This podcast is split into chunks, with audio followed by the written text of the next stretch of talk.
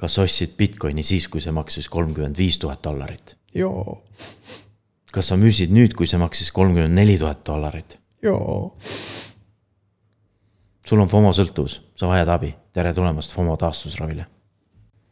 eelmisel nädalal oli meil palju-palju draamat. aga enne kui me selle juurde läheme, siis äh, jaanipäeva paiku toimus niisugune väike kohalik taskuhääling. Algorütmi taskuhääling, kus sa kohal käisid ja äkki sa natukene valgustad, millest seal räägiti ja kuidas läks? ähm,. Algorütmi taskuhääling oli päris tehniline selles mõttes, aga noh, samas see ongi mõeldud äh, äh programmeerijatele, et äh, loodetavasti kõik said aru mille eest äh, ma rääkisin seal. aga, aga me käisime hästi palju teemasid äh, äh, läbi, et äh, isegi neid teemasid, mis on nagu varem käidud seal nende, nende podcast'is rääkimas. et ma rääkisin, kuidas nagu mina saan aru, mida, mis asi on alg-, see äh, plokiahel ja, ja kuidas ta töötab.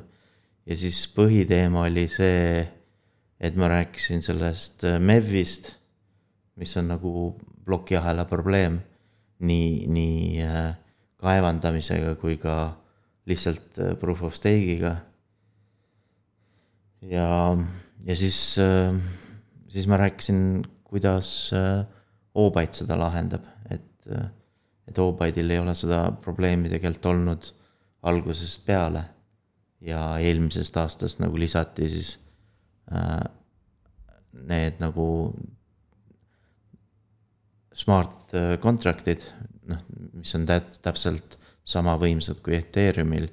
ja, ja nüüd sellega nagu siis tuligi äh, noh, see, need, need disaini otsused, mis oli algselt tehtud, tulid nagu äh,, nagu välja veel nagu efektiivsemalt. et äh, põhjus, miks peaks oba, Obyte'i kasutama DeFi jaoks, mitte, mitte plokiahelat mm. -hmm. Nende ajaloost vist rääkisite seal ka, et mis, mis on veel alternatiivid tarkade lepingute jaoks ja miks, miks ta nimi üldse tark leping on, et see tegelikult ei olegi päris vist õige, et see oli ka üks nendest teemadest. nojah, see on minu enda nagu see, see äh, probleem olnud, et, et ma leian, et see, see ei ole kõige parem nimi, aga noh, tegelikult on krüptorahades väga palju erinevaid äh, äh, neid nimesid, mis ei kirjelda just kõige paremini. et noh, kohe võib, noh, et smart contract ei ole tegelikult tark ega, ega leping, on ju. samamoodi nagu wallet ei ole tegelikult rahakott, vaid pigem nagu keychain ehk siis võtmekimp, on ju. et noh, wallet'is on tavaliselt ju vaata, hoiad raha, on ju. aga ükski krüptoraha wallet tegelikult ei, ei hoia mingit raha, ta hoiab ainult nagu neid privaatseid võtmeid. ja siis ähm, ja siis on veel nagu näiteks äh, aadress, ei ole kõige parem nimi. et see on tegelikult nagu inimestel oleks palju arusaadavam, kui aadressi asel, asemel kasutatakse lihtsalt nagu kontonumbrit, on ju. et. Äh, on jah, see terminoloogia. aga noh, neid ne..., neid kõiki nimeprobleeme ma seal välja ei toonud, et seal ma rääkisin lihtsalt nutilepinguks. jah, aga see teeb elu päris raskeks arendajatel ja ja veel enam isegi tavakasutajatel, kes lõpuks saa üldse aru, mida see tark, tark leping siis tähendab. jah, aga noh, krüptorahadega on hästi palju selliseid, selliseid lühikesi lühendeid ja, ja nimesid, äh, mida kui sa nendest räägid, siis nagu äh, teine pool ei pruugi aru saada, on ju, et, et noh, siin võime näiteks tuua, noh, näiteks AMM on ju, automated market maker on ju, see ei, see ei ütle inimesel mitte midagi, on ju. samamoodi on nagu kõik need ICO-d, ILO-d äh,, IDO-d on ju, et, et ja hullemal juhul on isegi seesama termin veel kuskil elus mingis muus alas ka kasutusel, et see veel tekitab omakorda segadust, et sama nimetus täpselt krüptos ja siis kuskil mujal. ja näiteks Obide'il on näiteks mõned äh, üritavad nagu, noh, nad ei saa täpselt aru, kuidas see töötab, on ju, siis nad arvavad, et, et Obide'il on validaatorid, on ju, tegelikult ei ole, et äh, Avalanche'il on näiteks validaatorid, et. ja tavaliselt validaatoreid kutsutakse nagu lihtsalt teise nimega nagu need miner'id või, või block producer'id, eks. noh, sama probleem nagu, et, et MEV on ju algselt tähendas miner extractable value, aga nüüd tegelikult ta kehtib ka block producer ite puhul on ju, et siis, siis peab nagu selle nime kuidagi teistmoodi ütlema. et mõni võib-olla isegi kutsuks nagu veviks seda, et validator extractable value. aga noh, see ei ole popiks läinud. lendame siit Aasiasse. mis meil, mis meil Aasiamaalt uudiseid on? no eelmine nädal oli, me rääkisime saates ka seda, et Hiina tahtis nagu mingis provintsis seda kaevandamist ära keelata, on ju, aga tegelikult oli see palju mahukam nagu nii-öelda piirang. et, et põhimõtteliselt Bitcoini hash rate kukkus vist lausa isegi viiskümmend protsenti. eks seda mõju oli kohe tunda sisuliselt. jaa mm., et aga noh, selles mõttes ta, ta kohe ka nagu taastus mingil määral ja praegu näitavad erinevad leheküljed, et, et äh, selle järgmise nagu äh, difficulty nagu selle raskuse nagu, kaevandamisraskuse nagu see parandus saab olema äh, miinus kakskümmend protsenti. ehk siis ma arvan, et, et mingil määral on nagu siis nagu osad kaevandajad kuskil teises riigis teises riigis suutnud oma need riistvara uuesti tööle panna või siis äh, keegi teine on hakanud kaevandama. kuid see raskusaste väheneb tõenäoliselt alles vist paari nädala jooksul, on ju, mitte päris kohe. noh, tavaliselt on kakssada, ei, kaks tuhat kuusteist plokki, mis on nagu kaks nädalat. aga see eelmine juba oli kaks nädalat tagasi, nii et järgmine on põhimõtteliselt viie päeva pärast, ehk siis sellel nädalal aga võib-olla tulevad nagu uued kaevandajad, nüüd tulevad, noh, ootavadki just seda, seda parandust, on ju, sest praegu on liiga keeruline kaevandada ja siis alles liituvad, kui see parandus on ära toimunud. on jah, ja see mõjutas tegelikult ka nüüd Bitmaini ASIC-site tootmist ehk nende kaevandajate toote enda tootmist.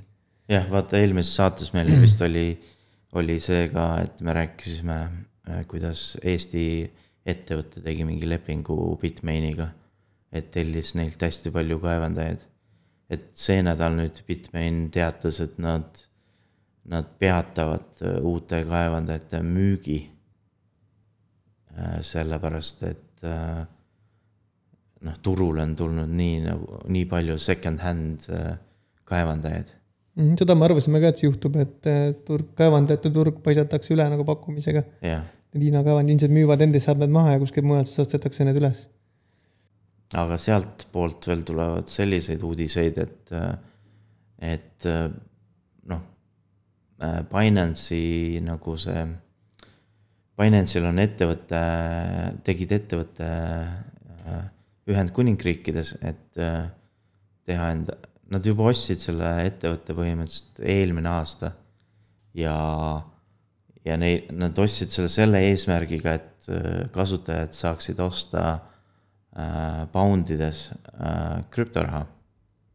ja siis nad, neil oli ka see plaan, et teha nagu täiesti eraldi nagu äh, Binance Ühendkuningriikidele, samamoodi nagu neil on USA-s, on äh, Binance Exchange eraldi sellest äh, internet, mm. jah, sellest Binance Comist on ju aga nüüd siis eelmine nädal tuli uudis välja, et, et äh, Ühendkuningriikide regulaatorid põhimõtteliselt ütlesid, et ei tohi üldse nagu äh,, nagu Ühendkuningriikides tegutseda. et pange kohe pillid kokku. aga, aga põhimõtteliselt nad nagu ei, nad ei saanud, nad nagu ei, ei keelanud ära Binance.com'i, vaid äh, noh, nagu nad keelasid ära selle ettevõttel mingi igasugused tegevused äh, seal Ühendkuningriikides. Meed, meedias uudistes jäi natuke vale mulje, on ju, et justkui Binance'it piiratakse ja enam ei saa kasutada, aga. et tekkis kohe selline paanika, et oh ja, my god, nüüd, kas nüüd pannakse Binance.com kinni, et ei.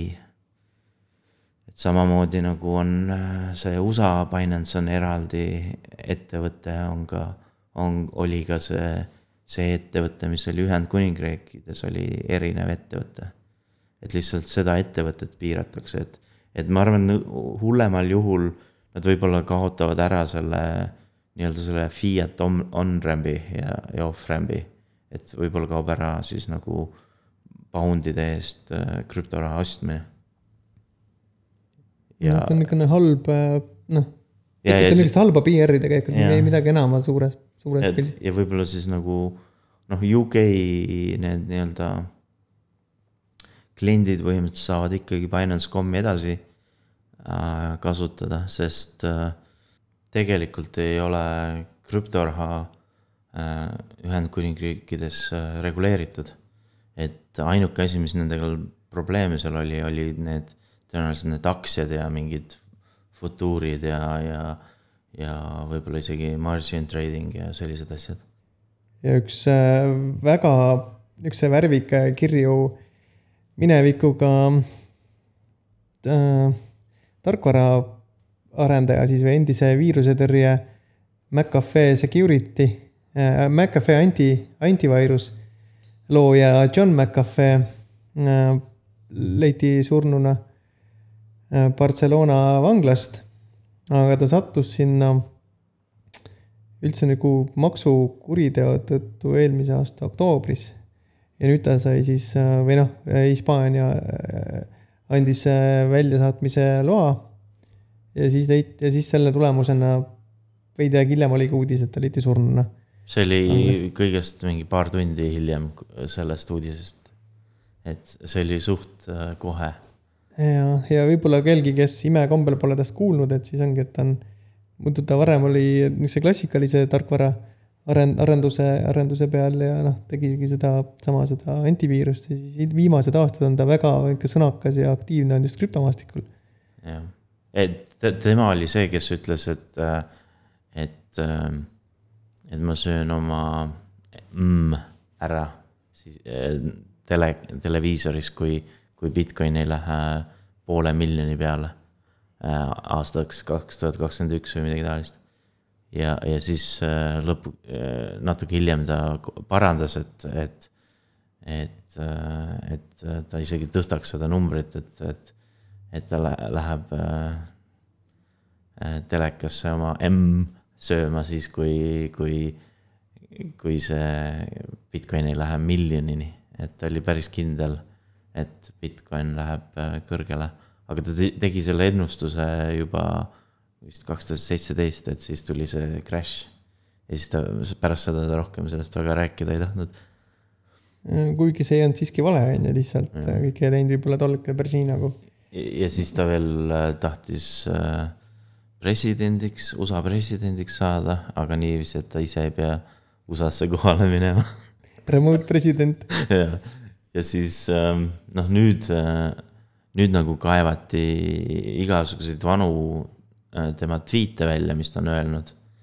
ja siis inimestel hakkas kohe silma see, et kaks tuhat üheksateist ütles ta, et et, et ta sai, et tegi endale tattoo, on ju, ja seal äh, tattoo'l oli tekst whacked.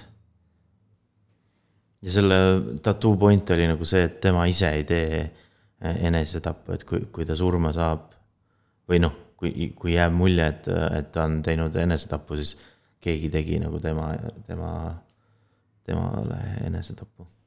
ja kuigi ta minevik on äh, väga niisugune drag addicted ja alkohol, narkootikumid, kõik asjad, siis ähm, noh, ma ei tea, ma ei, ma ei, ma ei suht-, suhtuks sellegi, sulle, sellesse siiski nagu kriitiliselt, et see ei ole asi, mis selle, selle, selle surma taga võis olla midagi muud, et seda me ei tea, on ju, et selles mõttes ei tasu nagu sellest lasta ennast heidutada, et jah, ta minevik oli niisugune segane. aga, aga, aga see, see ei tähenda seda, et ta pidi endalt ise elu võtma, et see on ikkagi natukene hägune see asi. temast on tehtud mingi dokumentaal ka, kus Äh, räägitakse sellest, mis äh, toimus, kui ta oli Belize'is. et seal Belize'is tal läks, äh, mingi naabriga läks, mingi konflikt tekkis. Ja, ja pärast seda ta nagu siis nagu oligi, läks nii-öelda rogue, et hakkas äh, põgenema jah, mingi kogus endale relvastust ja mingi turvamehi ja niisugune päris nagu veider elu, elustiil. et äh, see Instagram või Twitter on päris huvitavaid pilte täis mm,. aga jällegi, et see, see ei, ei, see võib olla nagu eksiarvamus tema isiksusest, et jah, ta oli kirju, ta oli natuke hullumeelne. Aga see ei tähenda seda, et endast, enda, endalt elu võtaks, et seda on hea praegu võib-olla või, võimudel ka rõhutada, et jah, et ta oli narkar, et ta tappis ennast ära, et aga tegelikult me kunagi ei saa teada võib-olla, mis seal siis juhtus nojah, et, et ta võis nagu karta seda USA jõududele väljaandmist. et. muuhulgas jah. et võib-olla ta kartis lihtsalt seda, et, et, et seal läheb tal elu põrguks, kui teda USA-sse viiakse. aga nüüd on põhimõtteliselt tekkinud jälle Twitteris äh, sellised memed temast, et, äh, et see äh, üks meme tehti ümber, et McAfee didn't kill himself ehk siis see tuleb sellest, mida öeldi Epsteini kohta. maailmas on väga palju asju, millest me ei saagi teada, võib-olla. kunagi, või siis räägitakse sellest aastaid hiljem, mis, mis siis nagu tegelikult võis juhtuda. liigume edasi um,. Dogecoinil siis tuli, tuli nüüd siis äh, nagu see uudis välja, et äh, nad plaanivad langetada default feed ja Decrypt Go kirjutab, et, et Dogecoinil üldse ei ole nagu fee market'it. et fee market on vaata see, kus, kui sul, kui sul nagu plokk täis saab, et siis need, kes maksavad nagu rohkem, nende tehingud lähevad plokki sisse.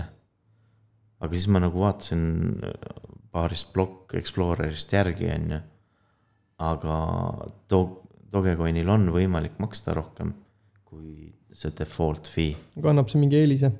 vot seda ma ei tea, aga mm. miks peaks keegi rohkem maksma siis? ja, ja mis seda järjekorda lõpuks ikkagi siis tekitab? et võib-olla, võib-olla seal on mingi vale arusaam, et, et neil ei ole, võib-olla nad ütlesid, et neil ei ole seda nagu fee market'it sellepärast, et neil ei ole kunagi äh, plokid täis. sest sisuliselt on neil äh, neil on praegu ju iga minut tuleb ähm, megabaidine plokk, on ju. aga neil pole kunagi isegi kümme protsenti sellest plokist täis. et võib-olla sellepärast nagu nad ütlevad, et neil pole fee market'it mm. -hmm. Ja, ja see default fee on tegelikult siis nagu põhimõtteliselt see nagu minimaalne fee, mida node'id nagu äh, relay ivad teistele node idele sest äh, sellel Bitcoinil on, on ka nagu nii-öelda noh, mitte default fee, vaid neil on nagu see miinimum fee on üks, äh, üks satoshi. Selle mõte on siis nagu selle populariseerimine kuidagi? ei noh, kuna, ei kunagi sa said teha tehingu, millel oli, äh, mille nagu fee võis olla isegi null, on ju. Mhm. aga mingi hetk nad muutsid, et noh, node'id ei hakka isegi seda relay ma teistele, kui, kui fee ei ole üks Satoshi, noh, Satoshi on see kõige väiksem ühik Bitcoinist. ja, ja, ja Dogecoinil nüüd äh, tehti siis nagu ettepanek, et, et kui ennem oli äh, default fee oli üks Doge, mis põhimõtteliselt hetkel on nagu väärt siis paarkümmend äh, senti siis nüüd nad tahavad muuta seda null koma ühe toge peale. ehk siis oleks põhimõtteliselt paar senti.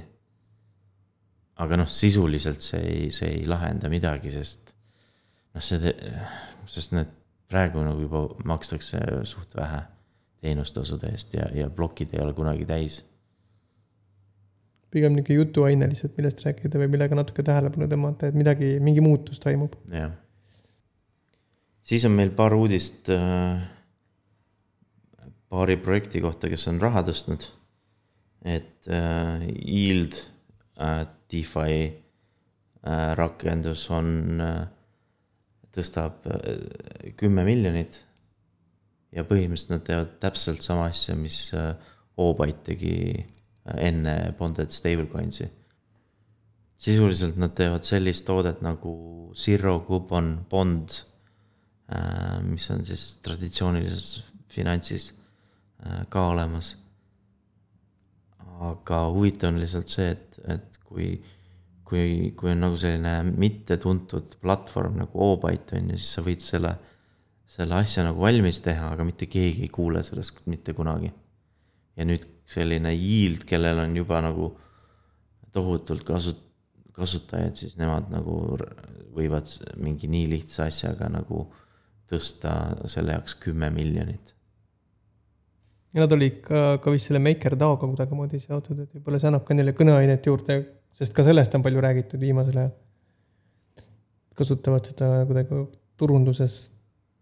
nojah, see on, Ethereumi peal on need kõik need eh, DeFi asjad nagu omavahel kuidagi seotud. jah. et raske on nagu selles mõttes nagu kickstart ida nii-öelda uut eh, DeFi platvormi, sest eh, sul, kui sul puudub see kriitiline mass. Ja, ja Ubodi peal on seesama asi tegelikult ka nüüd selle uue lahendusena palju paremini nagu lahendatud tegelikult. jah, et äh, nagu nüüd enam ei ole nagu motivatsiooni isegi seda äh, discount stablecoins Obidil kasutada, sest bonded stablecoins on palju parem lahendus. Mm, juba asendab ära selle uuema, uuema tehnoloogiaga nii-öelda. aga veel siis äh, tõstab raha Rarible ja nend-, nendel on, nemad nüüd kolivad Flow peale. Aga mis see Flow nüüd oligi, et sellest me oleme tegelikult varem korra rääkinud. Flow on see, see blockchain, mida krüptokriitis äh, äh, arendajad tegid. et kui, kui neile enam, kui nad nägid, et Ethereum ei, ei liigu selles suunas, mis neile sobib. aga see ei tähenda, et nad kolivad sinna, et ma saan aru, et nad lihtsalt teevad nagu marketplace'i ka flow peale. et kui praegu on marketplace neil äh, Ethereumi peal, siis äh, nüüd nad teevad ka selle flow peale mm. -hmm. ja ilmselt see võimaldab neil mingeid lisateenuseid või mingeid integratsioone siis teha natuke lihtsamini, kui, kui täna see on. ja võib-olla ka sealt tegelikult jällegi seesama teenustasude teema või võrgutasude teema, et see tõenäoliselt muutub, kui nad kasutavad mõnda sellist sidechain'i. jah, nad, nad tõenäoliselt näevad, et nii palju äh, Äh, NFT-sid on nagu flow peale tehtud, et, et mõistlik on, et äh, nemad on ka seal. ja nad tõstavad selle jaoks põhimõtteliselt raha neliteist miljonit. et mm. praegu, noh, tundub nagu praegu, et nende kahe numbri järgi, et, et see kümme, viisteist miljonit on see nii-öelda see tavaline taks, mis siis nagu mingi uue toote arendamiseks läheb et ei pea nagu tõstma neli miljardit, nagu EOS tegi. peale Rarible on ka teisi marketplace'e ja, ja nüüd on meil ka uudiseid Hollywoodist, nimelt äh, Marvel teeb oma NFT-d ja nemad plaanivad selle VV Marketplace'is järgmine aastal äh, lansseerida. ja ma ei ole isegi sellisest marketplace'ist kuulnud, aga paistab, et jah, neid marketplace'e on palju. ja nad pidid müüma ka digitaalseid koomiksiraamatuid eks, eks nüüd tuleb kuskilt raha teenida, kui inimesed äh, kinos ei käi. Aga Saksamaal äh, tegeletakse äh, seadustega ja, ja nüüd see vist ei ole veel vastu võetud, et on veel draft või nii-öelda mustand. aga nad tahavad niiviisi teha, et, et äh, kui sa saad proof of stake'iga tulu siis see on maksuvaba pärast kümmet aastat. et kui sa hoiad nüüd seda kümme aastat, siis sa ei pea maksutulu maksma. see on ikkagi väga kaevandajate spetsiifiline regulatsioon on ju nendele, kes teenivad kaevandamisega yeah.. kuidagi vastu tulla ja siis, et kuidas no nemad siis, et noh, mis aga..., mis asi see siis on, mis nad saavad, nad saavad nagu mõnes mõttes nagu raha töö yeah. eest. aga kümme aastat on päris pikk aeg. on. aga samas äh, neil juba vist praegu kehtib see, et, et äh, kui sa teenid krüptoraha müügist tulu, siis seda, see on nagu maksustatav ainult esimese aasta jooksul. no mis see siis tähendab? et kui sa nagu ostad ja, ja, ja siis müüd või noh, ei müü kohe nagu. samal aastal? jah, et, et sa hoiad seda natuke kauem, et siis, siis sa vist ei pea tulu maksma. okei okay., mis on jällegi natuke loogiline, et siis ongi, et need, kes tegelevad treidimisega Nendele see rakendub, aga need, kes on seda ostnud nagu pikaajaliseks investeeringuks, siis nemad ei pea selle pealt tegelikult üle maksma, sest krüptoga võib juhtuda see, et see hind mitmekordistubki ja siis see noh, tegelikult need maksud lähevad väga ebaproportsionaalseks mm. -hmm. see kümme protsenti võib olla nagu palju-palju enam kui kümme protsenti seal ostuhetkel, et tegelikult see on väga loogiline, et krüptos oleks veidi teistsugune see maksuregulatsioon. noh, meil Eestis on ka praegu minu arust natukene lollisti, et, et eraisikud äh, peavad äh, tulu deklareerima põhimõtteliselt iga kasumliku tehingu pealt. ja nad ei saa nagu maha arvestada kahjumlikke tehinguid. et selleks, kui sa tahad äh, normaalselt nagu investeerida krüptorahadesse, siis äh, või noh, just eriti treidimisega. kui, kui sa tahad treidida, siis sul peaks kindlasti OÜ olema. nii on jah. et loodetavasti võib-olla meil ka kunagi vaadatakse need seadused üle, et, et see praegune ei ole eriti mõistlik äh, eraisikutele. noh, eriti treideritele. no meil jätkub El Salvadori äh, saaga ja neil on jälle uus uudis. jah, sest äh, seal tehti, nagu avaldati üks intervjuu äh, Peter McCormackiga ja, ja nende presidendiga ja sealt tuli välja, et põhimõtteliselt sa saad osta endale El Salvadori äh, püsiva residentsuse. ja sul on selleks vaja ainult kolme Bitcoini. kuidas nad, äh, kuidas on see lahendatud, et sa oled selle investeerinud El Salvadori, need kolm Bitcoini? no põhimõtteliselt sa saad nagu osta, kas, äh, no ükstaskõik, mida sa ostad seal riigis. okei okay,, ta peab olema et, seal kohapeal keegi institutsioon, kes kaupleb krüptoga siis ja kui sa seal teed mingi tehingu, mille väärtus on vähemalt kolm Bitcoini. siis sul tekib see võimalus. et ma, ma arvan, neil on midagi sarnast ka dollari jaoks. aga noh, kõige lihtsam näide on see, et sa lihtsalt ostad kinnisvara. et jah. jah, lihtsalt huvitav fakt ongi see, et sa võid teha, teha seda Bitcoiniga, et see paralleel on toodud, et tegelikult mm -hmm. selline ettevõtete investeerimise või kinnisvara läbi residentsuse saamine on ka mujal riikides mm -hmm. olemas, aga ta ei ole krüptoga seotud, et nemad rõhutasid seda, et sa võid seda Bitcoini eest teha, kuna Bitcoin on seal nüüd ametlik valuuta ja siis sa ühtlasi saad ka õiguse. ja teistes, ega osades riikides ongi ta selline ähm, noh, mitte väga ulmeline summa, et, et ongi nagu alga, algavadki kuskilt saja tuhande juurest.